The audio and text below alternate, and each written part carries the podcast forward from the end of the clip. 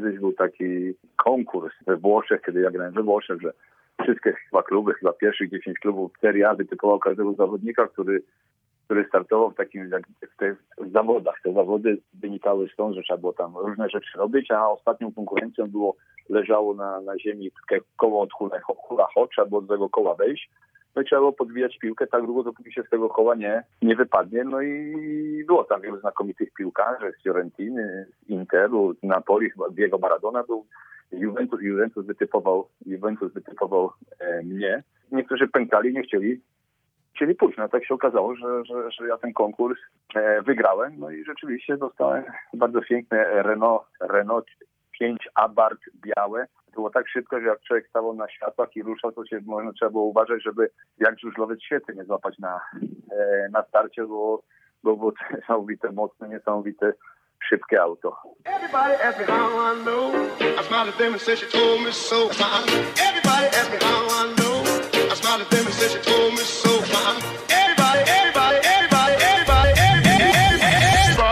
Spotykamy się przy premierze książki Mecze mojego życia. Panie prezesie, zacząłem się zastanawiać, bo odniosłem wrażenie, że ta książka wręcz jest wypchana po brzegi różnego rodzaju historiami, ale to pan wyraźnie stawia granice. Co pan powie, opowie nam o meczu, jeżeli chodzi o jego kulisy, a gdzie będzie ta wyraźna granica, że więcej się nie dowiemy?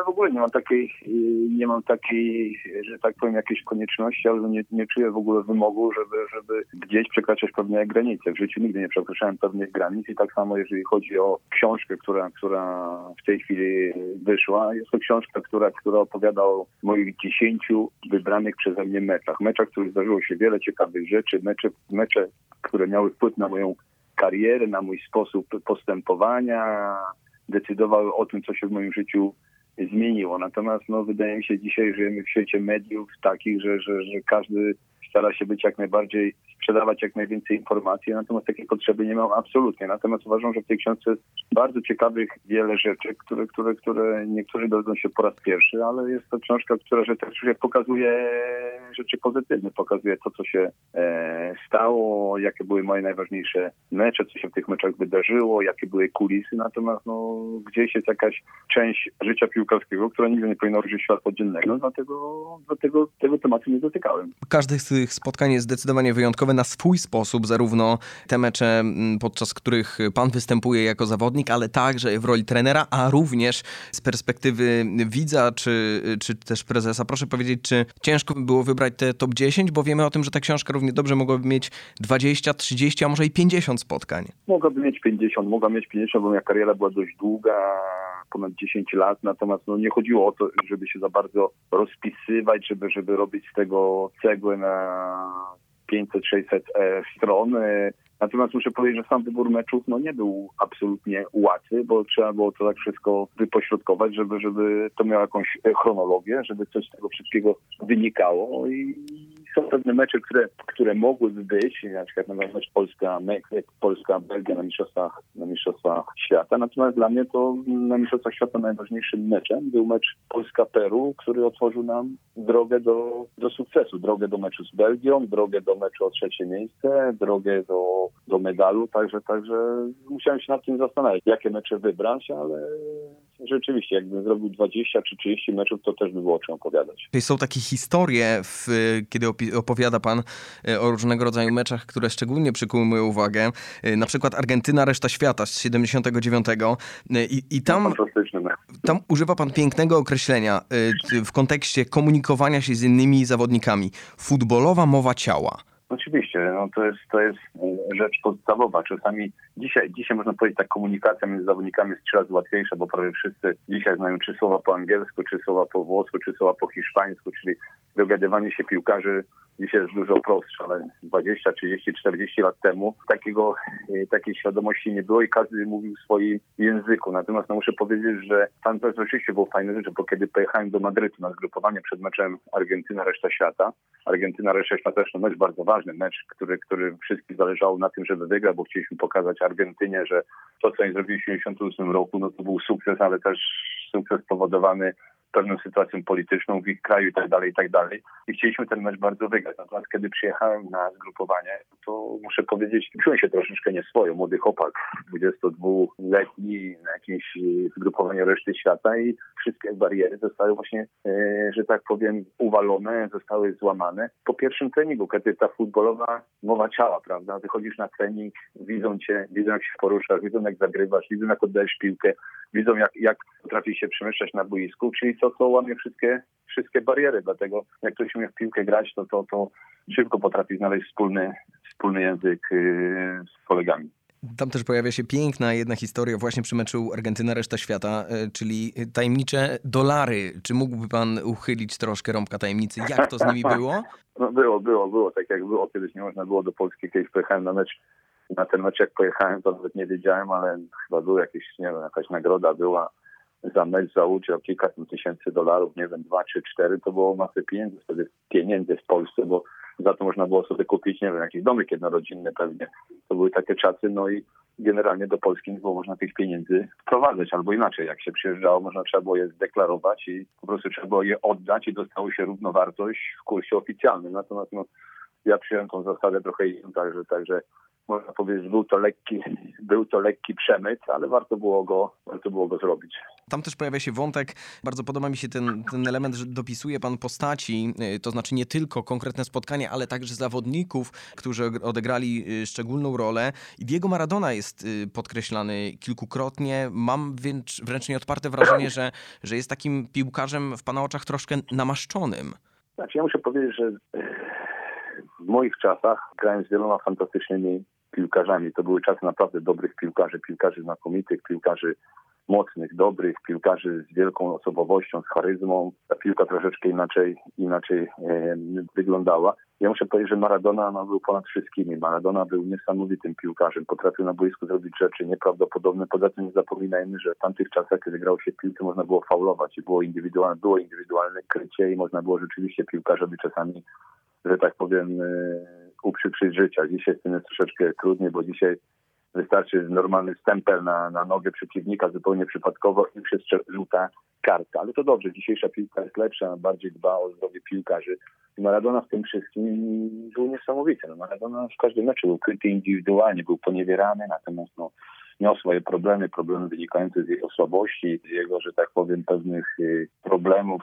Podobały mu się rzeczy, które ludziom w sporcie nie powinny się podobać i tak dalej. Natomiast kiedy wychodził na boisko, to miał szacunek nas wszystkich, bo był, był fenomenalny. Dla mnie Maradona to był piłkarz fenomenalny. Udało mi się dotrzeć do historii. Nie wiem, na ile ona jest prawdziwa. Chciałbym, żeby ją pan zweryfikował. Kiedy udało się panu pokonać yy, właśnie Maradonę i wygrał pan chyba białe Renault, jeżeli dobrze dotarłem do informacji?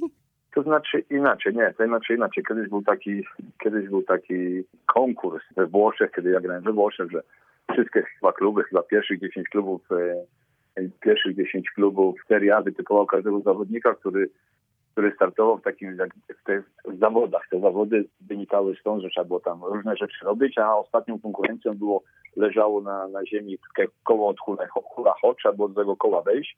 No i trzeba było podwijać piłkę tak długo, dopóki się z tego koła nie, nie, nie wypadnie. No i było tam wielu znakomitych piłkarzy z Fiorentiny, z Interu, z Napoli, chyba Diego Maradona był. Juventus, Juventus wytypował, Juventus wytypował e, mnie.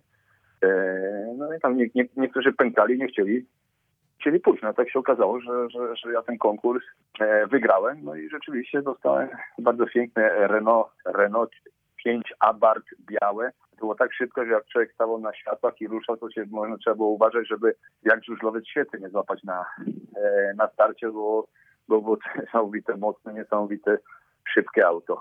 I te e, czasy we Włoszech właśnie najczęściej wiąże pan z włoską motoryzacją, czy klubowi nie zależało na tym, czym pan będzie jeździł? To znaczy, kiedy byłem, kiedy grałem w Juventusie, no to Juventus, Juventus chciał i prosił i wymagał od nas, żebyśmy na na boisko przyjeżdżali e, samochodami, które są własnością Fiata, także, także Lancia, czy, czy, czy, czy jakieś Fiaty, czy, czy, czy różnego rodzaju tych samochodów było od, od groma bardzo wiele, także każdy z nas miał po dwa, trzy samochody do dyspozycji i na treningi raczej przyjeżdżaliśmy, przyjeżdżaliśmy samochodami samochodami Fiata. Zresztą ja, że podczas mojego pobytu w Rzymie, cały czas korzystałem z tego typu aut. Dopiero gdzieś później, jak poszedłem dalej, to zacząłem się rozglądać za czymś, za czymś innym. Panie prezesie, chciałbym zapytać całościowo, bo ma pan ogromną wiedzę, jeżeli chodzi o przekrój futbolu. Kiedy pan zaczynał karierę i również szeroki obraz tego, co teraz się dzieje na boisku. Jak z pana perspektywy pozmieniał się futbol na przestrzeni tych lat? Zmieniło się życie, zmieniło się wszystko, zmieniła się komunikacja, sposób zarządzania piłkarzami. Dzisiaj widzę, że piłkarze generalnie nie udzielają wywiadów albo wywiad jak się udziela, to, to, to, to, to jest to forma absolutnie oficjalna, pięciu, sześciu, siedmiu dziennikarzy ma taki stan dostęp, nie ma czegoś takiego jak rozmowy indywidualne. No świat, się, świat się zmieni, zmieniło się życie. Mam nadzieję, dzisiejsze trzy razy chyba lepsze, trzy razy bardziej wygodniejsze, bardziej, bardziej ciekawe. Zmieniły się rzeczy, do których byli przyzwyczajeni. Kiedyś piłkarze, kiedyś było tak, że piłkarz szedł do klubu i już był wytypowany na podwórku. Na podwórku, przed domem, w szkole, już było, było, że tak powiem, wstępna selekcja i można było pójść do klubu dopiero w wieku 12 lat. Kiedy my byliśmy młodzi, nie można było się zapisać do y, nie można się było zapisać do sekcji piłkarskiej przed ukończeniem 12 roku życia.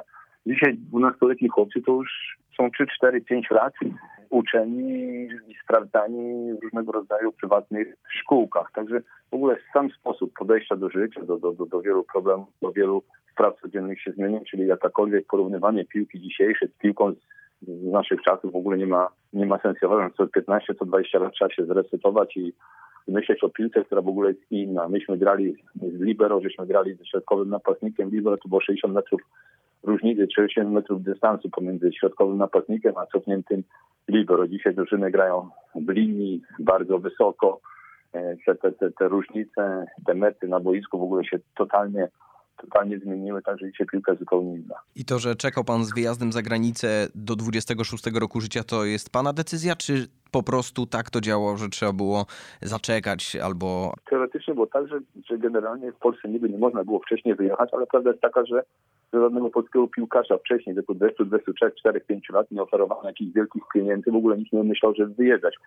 Natomiast był inny sposób myślenia. Jednak nie byliśmy, nie byliśmy dzisiaj, mamy inną świadomość. Pewnie dzisiaj jakbym grał w piłkę, to wieku 18, 19, 20 lat, też podobnie jak wszyscy młodzi piłkarze, starałbym się wyjechać i starałbym jak najszybciej się zarabiać wielkie pieniądze. Natomiast no, wtedy w tamtych czasach to, to, to, to bardziej się liczyło e, przywiązanie do barw klubowych. Jak znakomicie czułem się w Łodzi, w Wicewie, studiowałem, moja żona studiowała, także, także byłem bardzo happy, że, że wszystko jest dobrze i nie myślałem gdzieś tam tak daleko, że trzeba szybko wyjechać, żeby zarobić, żeby się ustawić na całe życie. Gdzieś to we mnie to dorastało i w wieku 23-4 lat sobie postanowiłem, że kiedy skończę studia po Mistrzostwach Świata w 1982 roku, mając nadzieję, że się zakwalifikujemy, że się zakwalifikujemy, że na tym Mistrzostwa Świata pojadę i tak się stało, także, także miałem do tego jakiś dystans. Dzisiaj pewnie by to inaczej wyglądało. A co było takim, albo nie było takiego momentu przełomowego, po prostu od początku pan wiedział, że piłka nożna jest planem na całe życie?